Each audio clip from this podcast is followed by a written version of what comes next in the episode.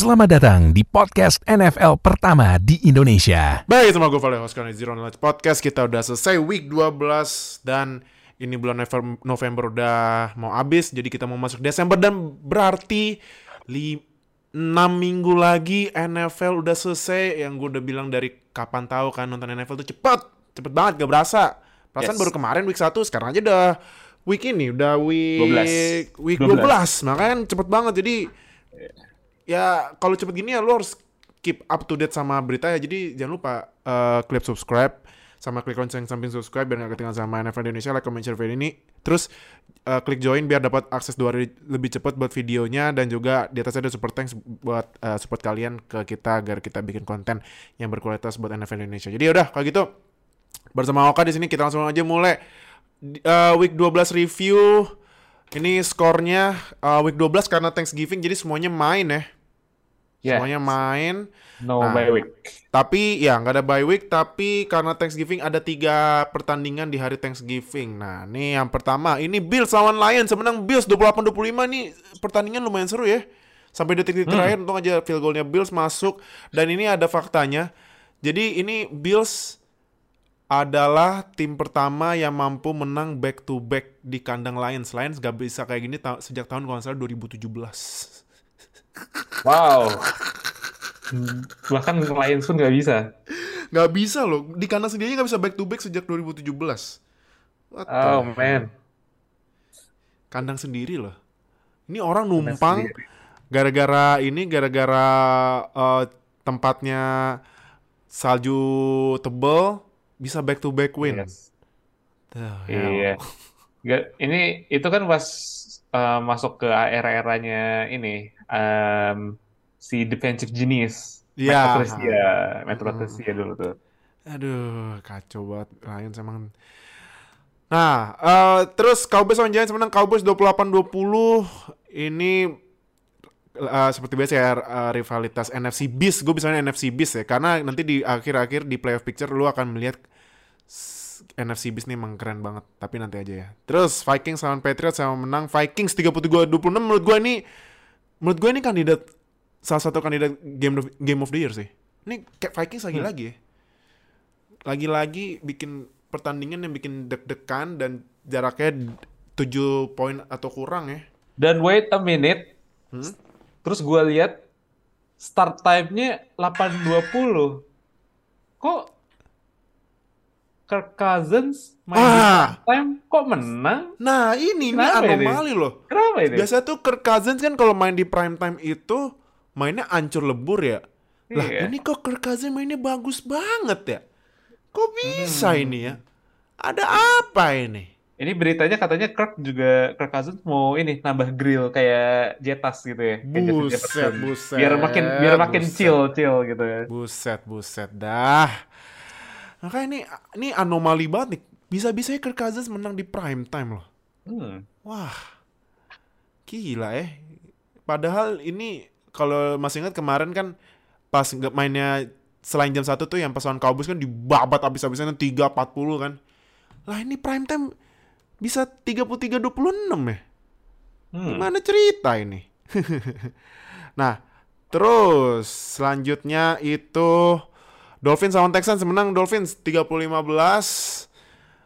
Tua masih unbeaten ya. Di game yang dia start dan dia bisa selesain gamenya ya. Menurut lu kak, Tua kandidat MVP nggak? Saat ini eh dia punya dia punya case yang kuat buat jadi MVP. Mhm. Karena maybe ya contender dia itu saat ini ya cuman Mahomes sama Mhm. Josh Allen. Mhm. Tapi dua poin utama yang bisa ngedukung Tua buat jadi MVP. Yang pertama, lo udah bilang tadi, win-loss records-nya dia 7-0 musim ini. Mhm. Yang kedua, Tua Tagovailoa saat ini memimpin NFL dalam passer rating. Mhm. Dan dia nih musim ini udah nyetak 19 touchdown. Dan ingat, dia pernah miss beberapa games karena concussion. Mhm. Dan dia saat ini 19 touchdown itu dia eh, nomor 4 atau nomor 5. Mhm. Jadi lu bayangin gitu, dia miss beberapa games tapi masih bisa top 5 di touchdown, masih Hmm. bisa mimpin NFL di passer rating itu Mhm. itu itu stats MVP menurut gue. Nah, makanya. Stats MVP. Mungkin ya kan? saingan, saingannya dia itu saat ini adalah Mahomes, Josh Allen, sama Jalen Hurts. Wah, gila nih. Wah, ini kayaknya Bama quarter, Bama quarterback ini mulai kelihatan kelasnya ya. Iya, makanya kan. Gokil ya. Iya. Ini Ba- Bama Bama nih produk-produknya dari tahun 2020 berarti ya tiga eh ya nggak sih tiga tiga eh bukan ya Jalen, Jalen Hurts itu eh kalau draftnya itu Jalen Hurts sama Tua 2020, kalau Mac Jones itu itu 2021 2021. kan iya. Ya.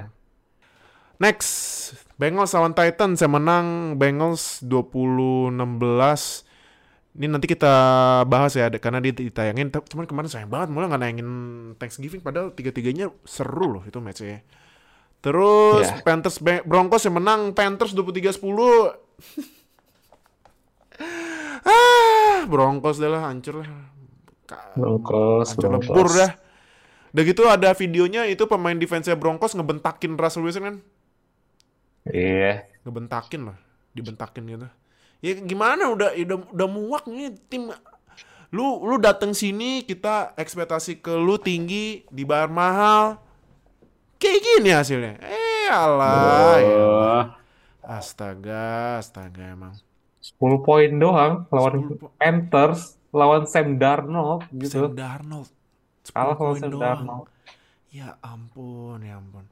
Terus Jets lawan Bears sebenarnya Jets 31-10 ini akhirnya eh, ini ya sempat kemarin udah ada beritanya Zach Wilson di bangku cadangkan terus diganti sama Mike White dan Mike White, uh Mike White, Mike White ya. Wait. Tiga touchdown. Wow. Uh, Tapi ini kita eh ini nggak ditayangin ya? Eh ditayangin ini ditayangin sama Mola tapi nanti kita nanti kita bahas ya. Nah, Commanders lawan Falcons sebenarnya Commanders 19-13 ini pasti lo kaget ya. Karena pas gua cek gua kaget beneran. Dalam 7 game terakhir Commanders rekornya itu 6 menang, 1 kalah. Gila ya. 6 menang, 1 kalah. Sejak gan kalau nggak salah itu sejak ganti Taylor Heineke ya. Eh, Tyler Heineke main beberapa pertandingan.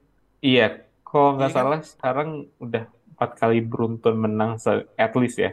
Iya. Dan sekarang rekornya Commanders 75 loh. Wow kan. Iya. Wow. Gila emang nih Commanders. Terus Browns lawan Buccaneers sama menang Browns 23-17 menangnya sampai overtime yang sampai detik-detik terakhir tuh Nick Chubb uh, rushing touchdown. Ya kak ini Browns menang draft picknya turun nih kak buat Texans. Ah, come on, man. Ah. Nih Opung Opung Brady nah apa sih? Ah, Gue gue berharap lebih terhadap Opung Brady. iya, Menang gitu loh. Kan Browns doang gitu lah. Aduh. Next, Jaguars lawan Ravens menang Jaguars 28-27. Ravens lagi-lagi blue delete. nggak satu, nggak dua, nggak tiga, tapi udah empat kali blue delete loh Ravens. Aduh. Apa ya Ravens ini ya? Padahal kalau misalnya nggak blue delete tuh rekornya bisa kalau nggak salah 11-1 loh.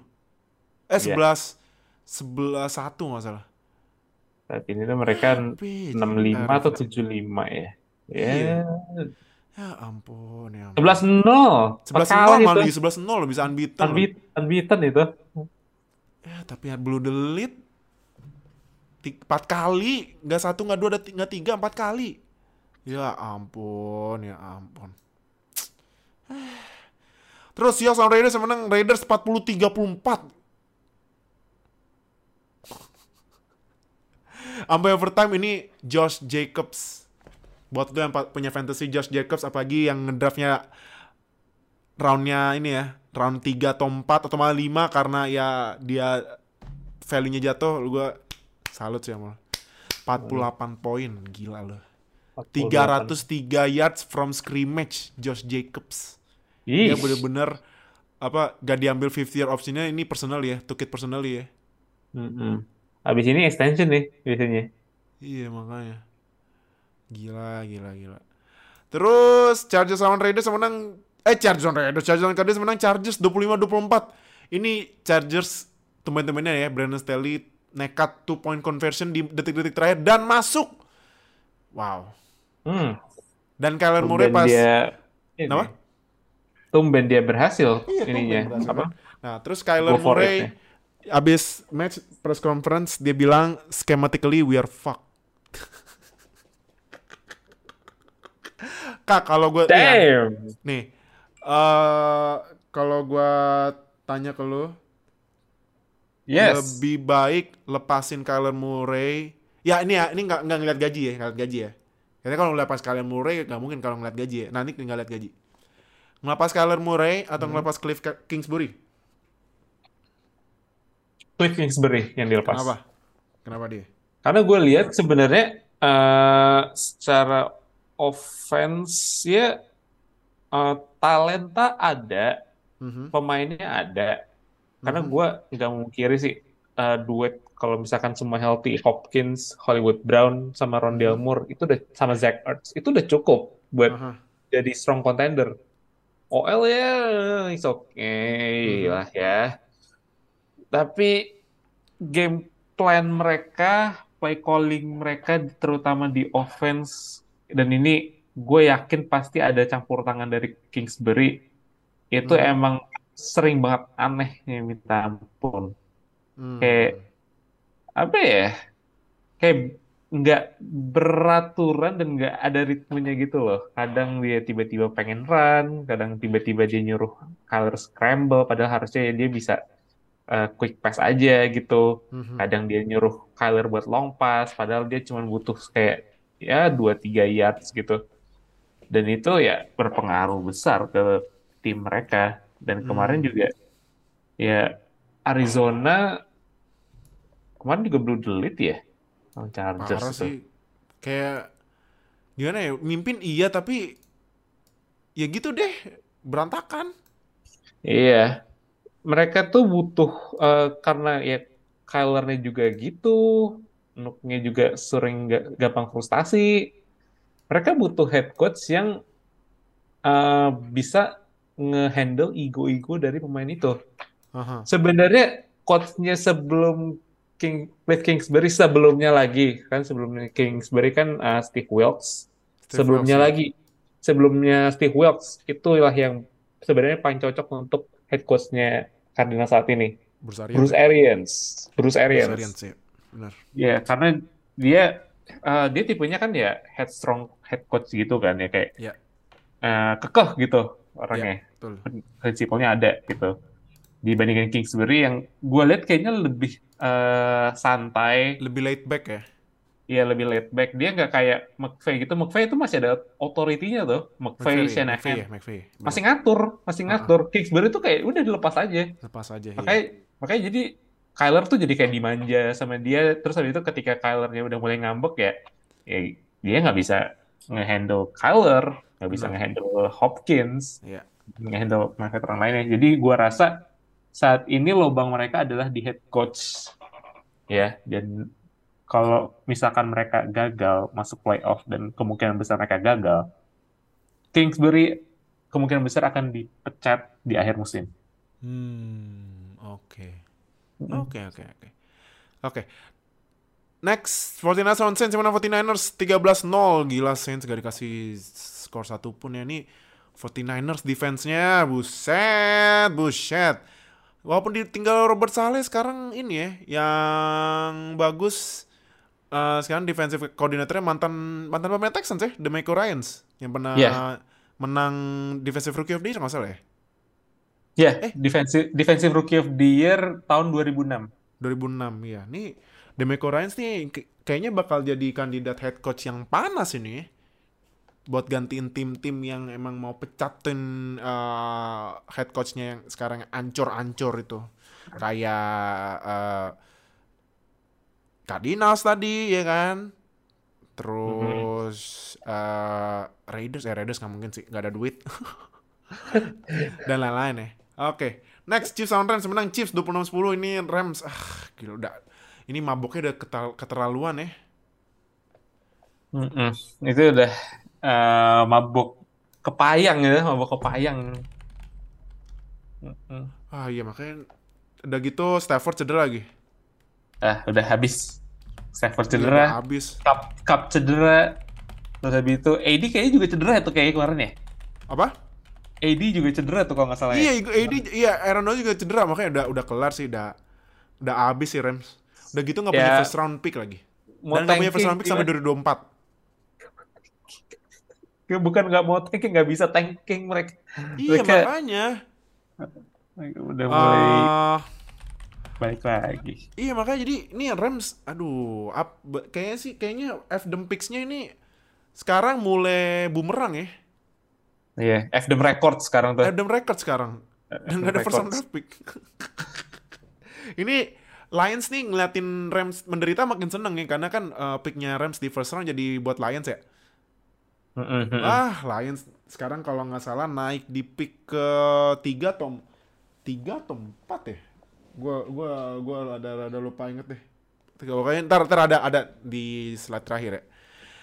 Terus Eagles sama Packers yang menang Eagles 43-3 ini juga pertandingan yang menurut gue seru banget karena di first half itu ganti-gantian touchdown ya. Ganti-gantian skor hampir nggak ada pan. Ini matchnya ya cuman ya pasti second half ada pannya. Tapi Rodgers cedera dan diganti sama Jordan Love. Dan Jordan Love baru main langsung bikin touchdown. Wow.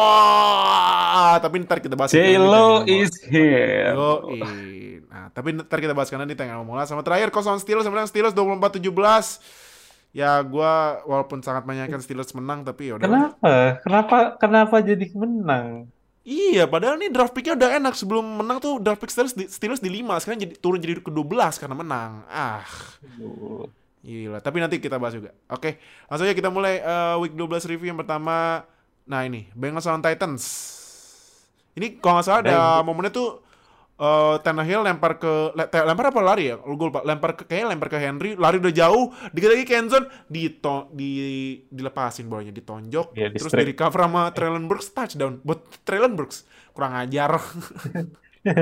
itu, it- itu perusak fantasi banget ya. iya, Apalagi pusat yang banyak- fantasi banget, iya. Ya, tapi dari match ini gimana menurut lu?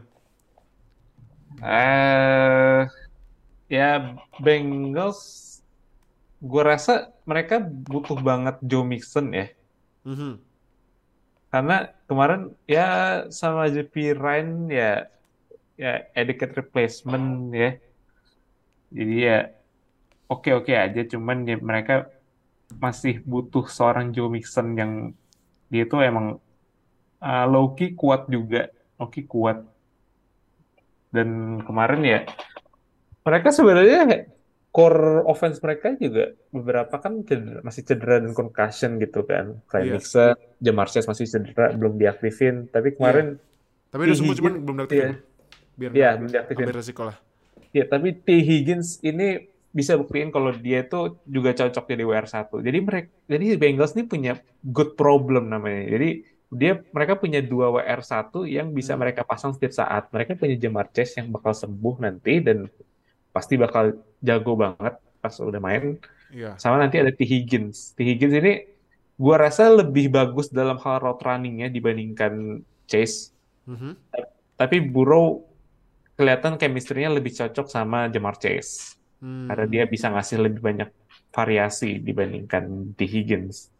Jadi Hmm. eh, tanpa Mixon dan Jamar Chase aja mereka bisa ngalahin Temit, eh, Tennessee Titans. Ya. Gue gue gue masih akan manggil mereka Titans sampai mereka sampai mereka itu bisa masuk Super Bowl. Oh, oke oke oke oke. Ya, they are they are fraud. Mereka bukan tim asli, mereka bukan tim yang kuat sebenarnya. Kalau misalkan Henry dicabut dari Tennessee Titans, mereka Kelar tuh sih. mereka tuh Houston Texans. Houston Mereka tuh Houston Texans. They are fraud, they are fake gitu. Seat Aha. satunya, seat satu kemarin tuh fake. Seat- Aha. Terus juara N- AFC South saat ini mereka tuh ya manfaatin aja gitu situasinya. Cuman mereka tuh kalau main lawan tim-tim yang bagus, mereka itu kalah kelas dibandingkan yang lain. Contohnya sekarang mereka lawan Bengals, mereka Bengals nggak ada Nixon, Bengals nggak ada Chase, kalah mereka 20-16. Jadi ya ya bersyukur aja mereka ada di divisi yang bisa dibilang lebih enak dibandingkan Bengals. Mhm. Tapi ketika masuk playoff, kalau Henry dikunci mereka habis. Gue yakin Iya, bener sih. gitu. Ya bisa ya Titans ya offense-nya yang ngegendong cuman Henry. Henry dan ya walaupun Bismillah. ada Traylon Burks sekarang passingnya agak agak-agak hidup ya, cuman ya tumpuannya di Henry tetap. Ya, ya, mungkin gua nggak akan bilang Tennessee Titans ya. Gue akan bilang ini Derrick Henry football team. Derrick Henry foot, iya sih benar sih Derrick Henry football team. Derrick Henry football team. Bener bener bener bener. Oke. Kalau ini, kalau menurut lu nih kan tadi kan lu bilang Titans ini mid ya. Yes. Tapi dia mimpin divisi loh ya kan. Nah, menurut lu ini Titans sekarang pemimpin divisi terburuk gak? Dari semua pemimpin divisi, pem- pemimpin divisi yang lain ya, menurut lu Titans ini terburuk gak? Dari Secara semuanya. secara kelas dan roster, gue rasa mereka paling tipis dibandingkan division leader sekarang, including di NFC South. Ah, ah, Karena karena gue bilang NFC South itu mas eh, Buccaneers masih lumayan stack aha, secara offense. ya. NFC Titans cuma punya Derrick Henry. Ah, oke. Siapa? Di Traylon Burks mungkin Iya. Ryan Tannehill kalau sewaktu-waktu mereka si Ryan Tannehill bisa bangkit lagi gitu jadi jadi Pro Bowler.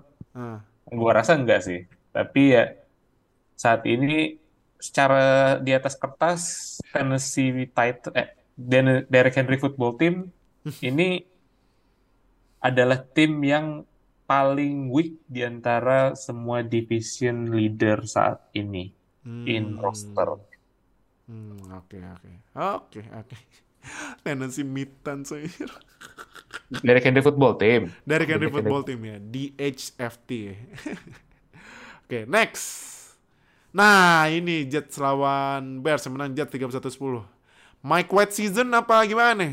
Mike White main terus sampai musim selesai atau tiba-tiba ya kayak musim kemarin kan musim kemarin dia sempat ini kan sempat start abis itu next match-nya hancur kan.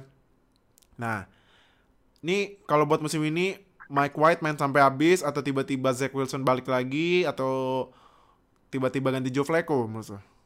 Buat QB Jets. Uh. Per- eh, sebenarnya pertanyaan ini lebih dalam dibandingkan yang kita kira ya karena Ah. saat ini Jets ini posisinya 7-4. Mereka tuh sebelum division leader tapi eh, mendekati lah ya dengan Dolphins ya masih lap- Iya. Dolphins 83 ya. Dolphins 83, heeh. 83 Bills juga Bills kemarin itu 74 atau 83 ya 83 juga sorry 83 juga Mhm. dan jadi Jets ini masih ngejar Jet eh, Bills sama Bills sama Dolphins. Dolphins. untuk bisa masuk playoff Iya. dan mereka mencoba ya sebisa mungkin jadi division winner gitu Mhm. Pertanyaannya balik lagi, apakah mereka akan tetap pakai Mike White atau enggak? Selama Mike White performance-nya bagus, dia akan tetap jadi starter. Karena uh, gue lihat Robert Saleh ini uh, nggak akan suka ambil kompromi dengan pemain yang underperform.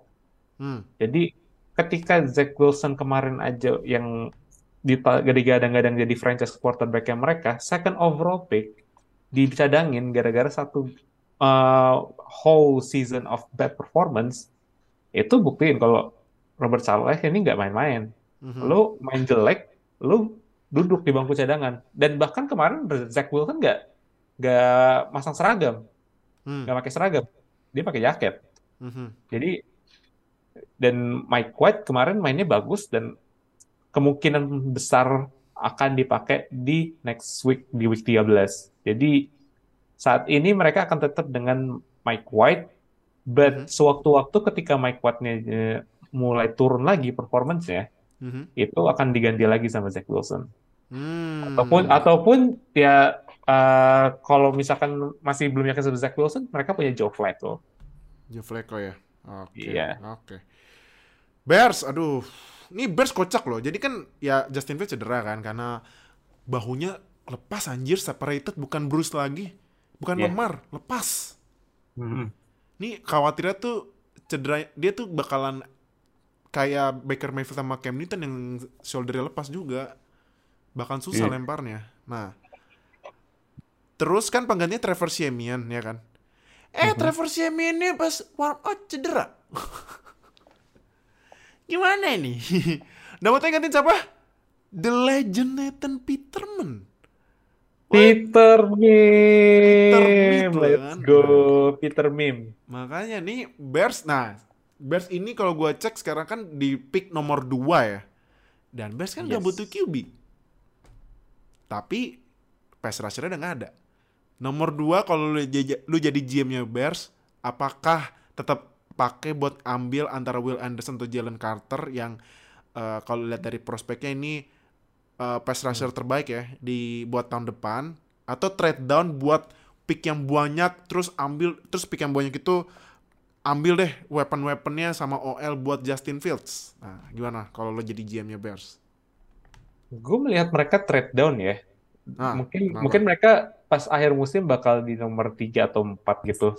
Mereka bakal ngelakuin hal yang sama kayak Colts di tahun 2018. Mereka akan Mhm. trade down.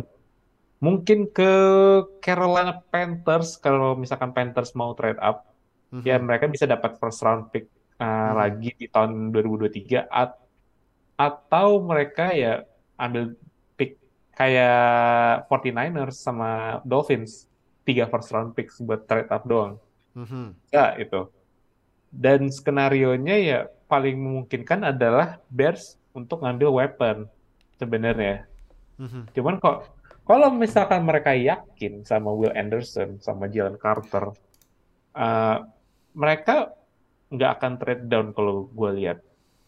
Mereka akan ambil di saat itu juga. Ya Jalen Carter sama Will Anderson ya second overall pick is not bad sebenarnya. Hmm. Gue lebih leaning kalau Bears ini akan ngambil Will Anderson. Karena Hmm. Will Anderson gue lihat itu secara body type mirip sama Khalil Mack. Iya sih. Iya. Dia bisa main outside, dia bisa main edge, eh, defensive end di 4-3 atau 3-4 OLB itu dan dia ya elite pass rusher dan bisa ngasih pressure sama Hmm. kayak Khalil Mack. Jadi gue lihat ya Will Anderson lebih cocok kalau ke Bears dibandingkan Jalen Carter yang ke Bears. Hmm. Oke. Karena lumayan juga ya Will Anderson kan katanya generational talent ya kan. Oh, kata expert-expert. Nah, itu main banget buat eh, gantiin Khalil Mack yang udah di trade ke Chargers ya. Mm-mm. Oke. Next. Nah, gue langsung foto kasih foto dia ya. Nih, Jordan Love. Nah, nah. Jordan Love tadi kita udah bilang, kan Rodgers cedera kan. Terus Jordan Love main. Dan Jordan Love langsung bikin touchdown loh ke Christian Watson. Jadi, apakah... Nah, sorry, sorry. Sebelum gue tanya itu. Hmm? Jadi nih, sebenarnya nih, momen di mana Jordan Love ganti Rodgers ini, katanya harinya beda-beda dikit pas kejadian 14 ta 14 apa 14 apa Lima- 13 15 gue lupa. Kalau saya 14 tahun yang lalu deh. Kayaknya kalau saya 2007 tuh kapan gitu. Saat Packers lawan Cowboys, Brett Favre cedera, terus Rodgers main dan ya transisi dimulai kan. Nah, sekarang Rodgers cedera, Jordan Love main dan langsung bikin touchdown. Ya walaupun kalah juga tapi apakah menurut lo ini transisinya the titik di mana transisi dimulai pas kemarin ini Jordan Love main dan bikin touchdown? cepat atau lambat Packers akan move on dari Rodgers ya. Iya, mereka pasti akan ganti ke Jordan Love. Hmm. Karena mereka udah tahu lah kualitasnya Jordan Love uh, kayak apa selama tiga musim dia di dalam organisasinya Packers. Hmm, dan apa yang mereka akan mereka lakuin sama Rodgers, banyak yang spekulasinya kalau dia akan di trade, maybe ke Raiders, maybe ke tim yang butuh QB lainnya. Tapi siapa yang bakal ngasih offer paling outrageous buat Aaron Rodgers? Mhm. Karena musim ini Aaron Rodgers agak mengalami penurunan, terus juga dia mulai banyak cedera juga. Uh, dia jem- cedera jempolnya masih belum sembuh loh dari katanya dia cedera jempol nggak sembuh dari Lima masih belum sembuh sejak yang game London yang lawan Giants. game London tuh week berapa ya? 5-6. Wah lama banget itu pas bulan September Oktober udah lama. Ya. Jadi ya uh, injury-nya Rodgers juga kan udah uh, mulai lingering ya, udah mulai sering dikit-dikit tapi kayak tumpuk-tumpuk gitu. Ya, sedangkan mereka punya quarterback yang mereka udah udah grooming gitu dari awal gitu, dari 2020 Jordan Love. Hmm. Jadi ya situasinya sama kayak 2007. Rodgers udah mulai contemplating retirement, kontraknya masih gede, terus mereka punya Aaron Rodgers di bench, eh Jordan Love di bench, mm-hmm. kayak dulu Aaron Rodgers di bench buat naikin Brett Favre. Ya cepat atau lambat mungkin musim depan mungkin bisa jadi kalau Rodgers tiba-tiba bangkit ya musim berikutnya lagi lah gitu. But hmm. in the end Jordan Love akan jadi starter. Hmm, Jadi okay. Tapi ini, nah masalahnya nih yang sulit nih. Ya. Kan Packers udah terlanjur perpanjang kontraknya Rodgers sampai 50 juta. Gimana nih menurut lo? Ya apa mereka ya siap aja makan dead cap yang se segede gaban gitu apa gimana? Ya tergantung keputusan mereka juga. Jadi hmm. ya kalau misalkan mereka udah yakin dengan Jordan Love dan mereka melepas Aaron Rodgers, mm-hmm. ya mereka pasti akan rela harus rela buat dat apa ngambil dead capnya dari kontraknya Rodgers. Mm. Jadi ya tergantung persepsi dari front office dan juga coaching coaching staffnya. Iya, karena gini loh. Situasi ini kalau menurut gue Packers ini lagi pusing ya. Pa- mm-hmm. Packers udah bayar Rodgers mahal-mahal kan. Ya. Yeah. Tapi Rodgersnya menurun. Ini udah cedera, Jordan Love main, dan gorengan media udah bilang transisi transisi. Di satu sisi lain nih Jordan Love udah tahun ketiga loh. Tahun depan dia udah habis. Yeah. kontraknya? Nah jadi ya, ya dia masih ada fifth year option but ya so, nah. atau lambat dia bakal ini sih iya, kalau makanya gue sih gue sih mikirnya kayak nggak Jordan Love ya nggak bakal dapat fifth year fifth year option sih. Kecuali kecuali ya Packers ya Packers mau ambil resiko lagi keluarin duit banyak kan? Uh-huh. karena nggak nggak logis juga lah lu baru main cuman berapa tiga musim kan? Masa fifth year option? Gimana? Kita udah bayar hal Rogers juga gitu. Jadi iya. iya menurut gue sih Packers nih posisinya lagi awkward banget sih. Hmm. bingung bingungin. De, mereka seharusnya nggak extend kontraknya Rogers ya kemarin. Iya Mending Kalaupun... mereka extend Devante Adams aja. Ih. Tuh. Itu sih kalau menurut gue. Karena kalau misalnya kemarin extend Devante Adams, Rodgers pergi, Jordan Love main, wah gila sih bakal meledak sih ini. Kalau menurut gue ya bakal gila sih Jordan Love sama Devante Adams. Cuman ya sekarang udah ada Christian Watson kan. Christian Watson sekarang 6 touchdown dalam 3 game loh. Gokil deh. Hmm. Tuh. Makanya jadi Packers nih, aduh bingung gue liat Packers jadi gue bingung nih tim maunya apa ya? Heran gue jadi nih aja sekarang sekarang tuh Packers uh, draft picknya ada di top 10 nggak tahu nih ntar GM mau ambil WR apa enggak ya kan? Iya. Yeah. ah udah. Iya. Packers. Kalau ini Eagles. Nah Eagles tadi kan uh, Eagles tuh pas match itu sempat kehilangan salah satu cornerback ini ya yang bagusnya ya CJ Gardner CJ Gardner Johnson yang mimpin uh, interception musim ini dan tadi sempat ada berita terbarunya dia bakal outnya lama tapi nggak out for season. Menurut lo ini Eagles apakah tetap bagus atau tiba-tiba pas defense jelek nih? Pas defense-nya akan mengalami penurunan ya. Mereka uh. tuh um, termasuk susah juga buat ngehentiin run kemarin juga ya, secara defense juga di acak-acak juga sama dua AA Aaron mm -hmm. Jones sama Dillon. AJ Dillon ya. Dan ini agak mengkhawatirkan ya karena mereka tuh ada di divisi yang banyak mengutamakan running game. NFC -hmm. East Giants punya Saquon, Dallas punya Zeke sama Pollard. Iya. Washington punya Robins, Brian Robinson, Antonio Gibson.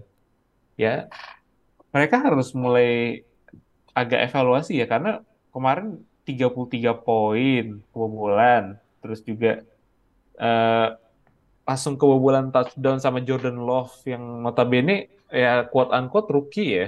Quote unquote Mhm. itu masih rookie. Ya harus waspada aja ya. Karena mereka saat ini ya posisinya 10-1, mereka seed 1.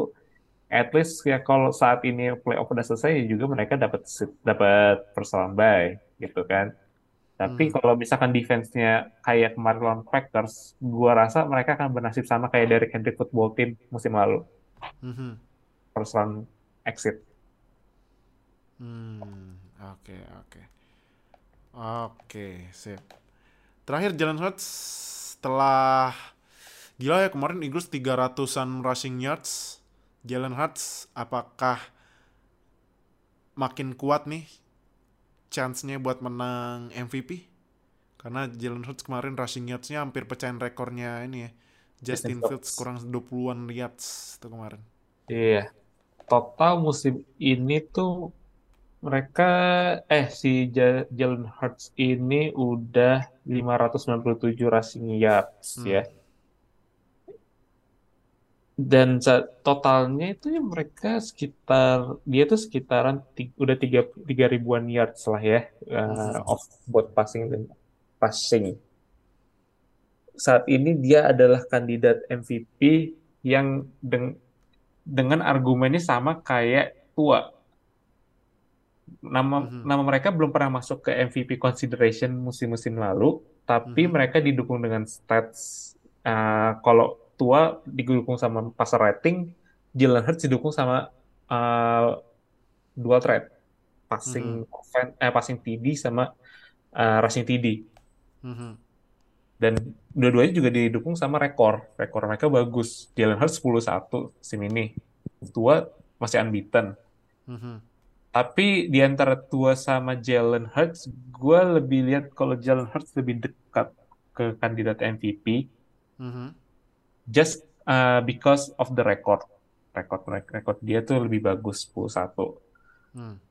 Jadi uh, ini gue rasa race-nya buat MVP tuh bakal ketat ya, lebih Hmm. ketat dibandingkan musim lalu. Mhm. Karena karena di antara Mahomes, Jalen Hurts, Josh Allen sama Tua itu benar-benar nggak ada yang clear cut banget gitu, nggak ada yang menonjol satu di antara yang lain. Iya bener. Ya walaupun Mahomes nih ya eh, statsnya bagus banget tapi ya Josh Allen ya mainnya masih bagus, Jalen Hurts di di di disupport sama rushingnya kan, jadi emang membingungkan ya siapa yang bakal menang di ini ya. But is eh, ya bisa dibilang ya ini kebingungan yang bagus ya buat kita karena ya berarti ada elite talent di posisi inilah untuk next few seasons. Hmm. Oke oke. Jadi kita perhatiin ntar siapa yang bakal menang three way MVP ya. Four Apa, Jefferson, way. Jefferson gak ikutan nih Jefferson. Ya, ya WR susah lah ya WR. Ya, ah. ya. Kalau kalau Cooper. Cup aja musim lalu nggak bisa menang, Iya. nggak mungkin menang MVP lah di atas Iya musim ini. makanya karena MVP emang cuma buat QB namanya Iya. NFL ah sama ya sama aja kayak di college Heisman kan Heisman Trophy ah shush. Mhm. ya walaupun sempat Devonta Smith menang cuman ya tetap aja. Oke terakhir. Nah ini yang kemarin. Eh yang, Gua tadi, yang tadi deh. ini ya. Saya berarti siu nih siu Nah, Young boy. Ah, buat Steelers komentar gue ya gue udah gue udah hafal nih Steelers nih. Steelers first half bagus. Second half liatin aja hancur. Nah bener. Dari mimpin 16-3 dibalas jadi 17-16 Hmm. hari-hari emang Steelers kayak gitu di second half. Nah itu aja adjustmentnya bagus. Jadinya eh, 8 poin karena tuh poinnya bagus nih. Tuh poinnya ke ping sampai itu siu ya kan? Nah, dan ya menang. Jadi, tapi kalau gue sih ya George Pick apa eh Kenny Pickett mainnya udah mulai udah mulai nyetel sih. Walaupun ya OL-nya astaga. Mhm. Ah, pusing gue apalagi OL sebelah kirinya dulu lo udah lolos kayak pintu koboi enak banget lewatnya Duh. Jadi ya ya musim ini Steelers rebuilding dan pastinya bakalan losing record pertama kali sih dalam eh, sejarah kepelatihan Mike Tomlin sih. Itu. Kalau defense-nya ya defense-nya begitulah Eh, defensive back-nya lawak biasa. Iya. Terus juga sekarang TJ Watt mainnya nggak full loh. Sekarang TJ Watt mainnya cuma beberapa doang ya biar jaga-jaga cedera pack-nya tuh. Sama Iya, daripada- kan cepet operasi. Daripada dipaksain juga kan. Iya daripada paksain jadi mainnya di rotasi. Makanya gue liat semenjak Watt main ya kayak yang kurang kelihatan. Jadi tuh yang bagus tuh yang tandemnya tuh si Highsmith. Highsmith sekarang udah 10 sack. Jadi ya udahlah daripada dipaksain ntar musim depan gak bisa main lagi kan. Jadi ya udah Hmm. di rotasi. Oke. Nah, Colts Kak ini di akhir-akhir pertandingan kan Matt Ryan sempat lari jauh ya. Mhm. Ryan lari jauh, nge-slide tapi nggak nyampe first down. Iya. Tapi coach gak call time out. Dan itu makan waktu 25 detik. Jadi pas habis nge-slide, terus offense-nya buru-buru, habis itu nggak time out, terus kasih bola lari ke Jon- Jonathan Taylor dan nggak gain yards. Ini eh tapi ah terus ini Jeff, Jeff Saturday ditan- ditanya pas press conference kenapa nggak manggil timeout? Katanya dia nggak nyadar waktunya. Segitu. Padahal coach punya tiga tiga masih full tiga timeout.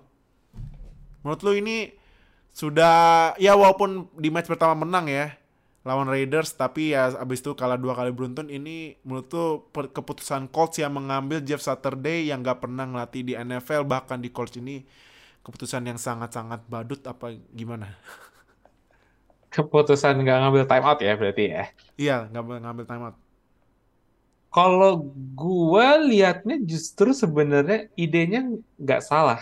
Karena ketika dia nge-run out uh, time out apa?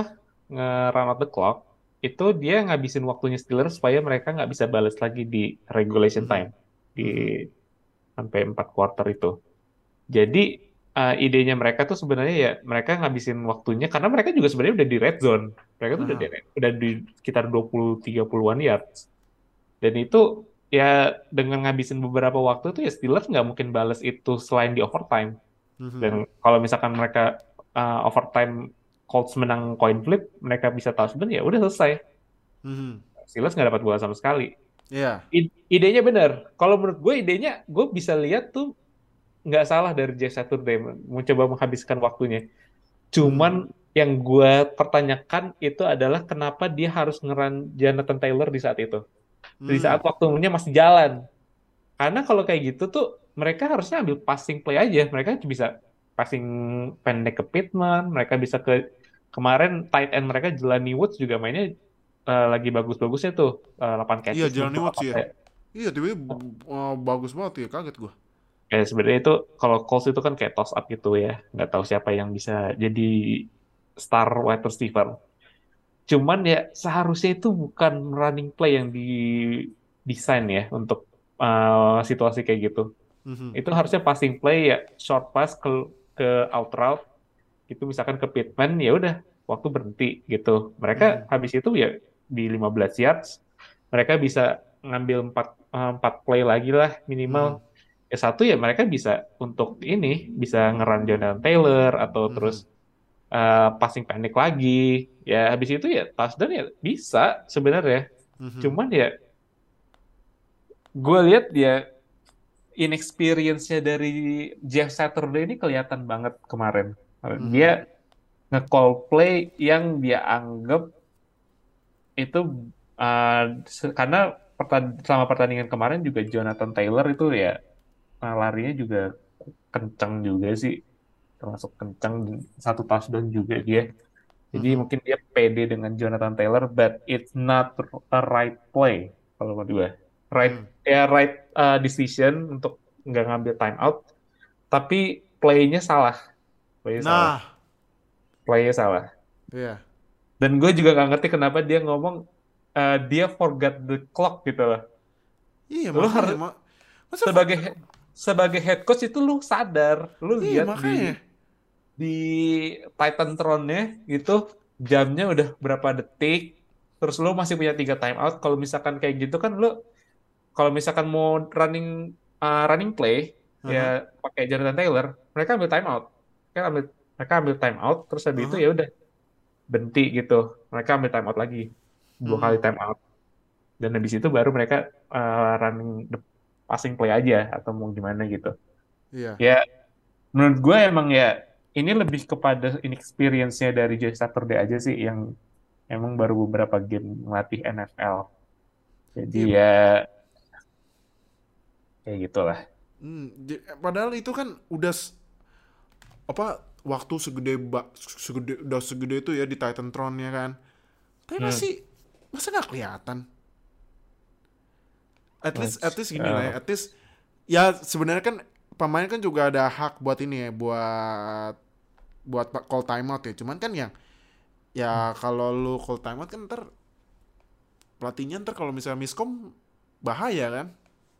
Ya gitu. Jadi sangat-sangat costly ini ya. Apa keputusan eh ini time apa clock manajemennya Colts ya.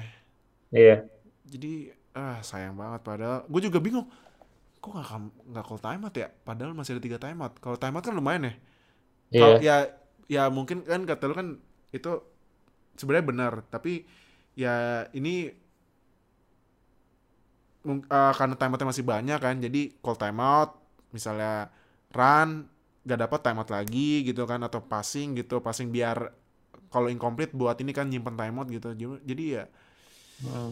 ya ini mungkin Colts mesti buka di LinkedIn kali ya time clock management gitu ya posisi spesial gitu megang Iya. megang stopwatch. Iya spesial gitu ya sama ngingetin gitu perhatiin waktu terus kasih tahu coachnya situasional juga. Coach nih eh, habis lari tadi waktu jalan waktu tinggal dikit ada tiga timeout nggak mau nggak mau call timeout nih coach gitu.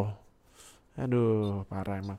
Jadi itu ya review di week 12 nah ini eh gu- oh ya gue lupa masukin peringkatnya tapi langsung aja kita gua kasih lihat ini playoff picture-nya yang AFC Chiefs seat pertama, kedua Dolphins, ketiga Titans, keempat Ravens, kelima Bills, keenam Bengals, dan ketujuh yang baru Jets. J E T S Jets, Jets, Jets, Jets, Jets. Jets Wow.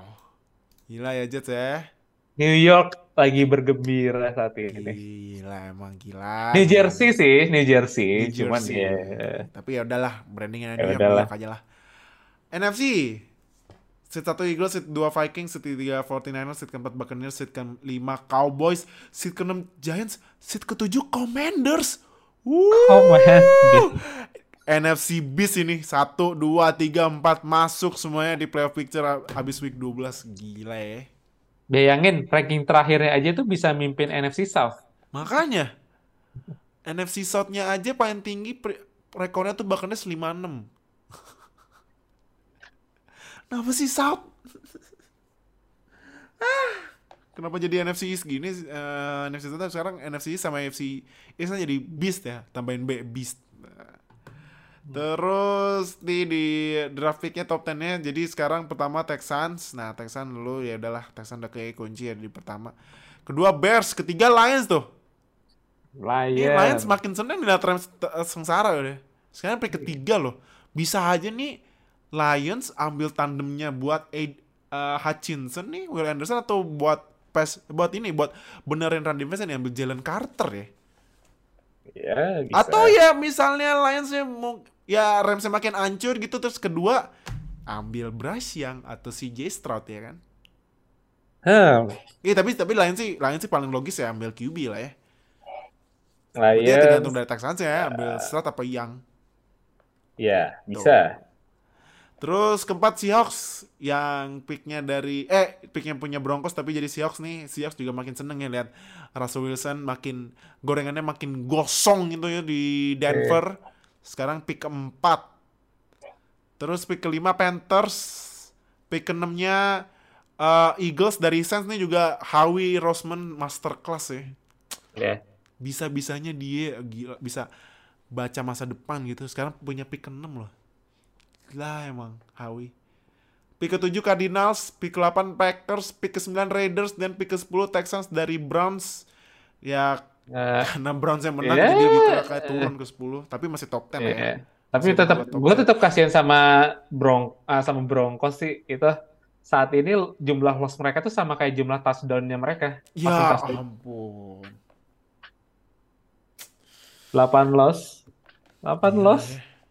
buat Gila. 245 juta million quarterback. Gila. Dan rekornya 38. Kan ya namanya kan juga Mr. Unlimited. Unlimited. Terus ada videonya meme-nya di NFL Memes. Unlimited diarrhea. Masa unlimited diare sih? Gimana sih? Ini nggak jelas memang lama. Ah, udah gitu yang kemarin oh ya gue masih gue baru inget yang pas Broncos lawan Panthers kemarin yang Brian Burns nge ngeniruin yang Russell Wilson tengah lapangan doa ini Ngambang-ngambang dia. Ya, ngapain? Ngapain? Ya ampun, dua-dua kalah. Eh, mana sih? Makanya dibentakin tuh Ya, sama emangnya-. Ya, Mr. nah. Unlimited. Kak, nih misalnya Kak, misal lu eh, pick 10 sekarang ya, eh, draft picknya. Ya. Pick 10 lu ambil siapa? Uh. Eh, Apa lu mau trade down? nggak trade down, nggak akan Ambil trade OL? Akan antara ambil OL atau ambil defensive player, Defensive ya? ambil di edge rusher gitu. Oh, Karena- oke. Eh, gue ngeliatnya dari sini Bears mungkin bisa trade down, Lions mungkin nggak nggak trade down sih kayaknya. Cuman eh, kalau in some ways itu bakal ada keajaiban salah satu di antara Will Anderson atau Jalen Carter jatuh, Mhm. Texans pasti akan dengan senang hati untuk ngambil salah satu di antara mereka. Hmm. Mungkin bisa defensive player, bisa juga wide receiver. Mhm. Karena gue lupa deh wide receiver yang bakal eligible tahun 2023 itu ya mungkin eh, kayak Quentin siapa Quentin Johnson ya? Yang Siapa? Quentin Johnson, Quentin Johnson ya? WR ya? TCU. Iya, Quentin Johnson atau Marvin Harrison juga eligible tahun ini bukan ya? Marvin Harrison Jr. belum. Baru 2024 dia lagi sophomore. Iya, Yang bisa ini, teammate Jackson Smith Njigba. iya Jackson Smith Jackson Jigba Smith Njigba.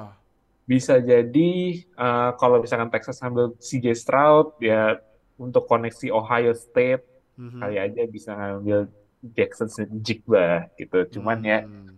Jadi posisi utama yang dicari Texas di pick 10 itu adalah defensive edge, edge Mhm. rusher, offensive uh, lineman, sama wide receiver. Mhm. Posisi itu. Jadi ya expect tiga posisi itu yang akan diambil di pick 10. Hmm, Oke, oke. Oke, jadi itu uh, review di week 12. Thank you Kak Dajuan, thank you buat kalian yang udah nonton dan dengerin podcastnya. Jangan lupa subscribe dan kunci dan subscribe, klik kunci sampai subscribe biar nggak ketinggalan sama NFL Indonesia. Like, comment, share video ini, klik join di samping subscribe biar dapat dua akses dua hari lebih cepat dan juga di website ada super super thanks karena uh, support kalian mendekatkan kita buat bikin konten yang lebih baik lagi buat NFL Indonesia. Jadi, thank you udah nonton. Sampai jumpa minggu depan week 13 review. ya. Dadah semuanya. Bye-bye. Terima kasih telah mendengarkan podcast NFL pertama di Indonesia. Sampai jumpa di podcast edisi selanjutnya.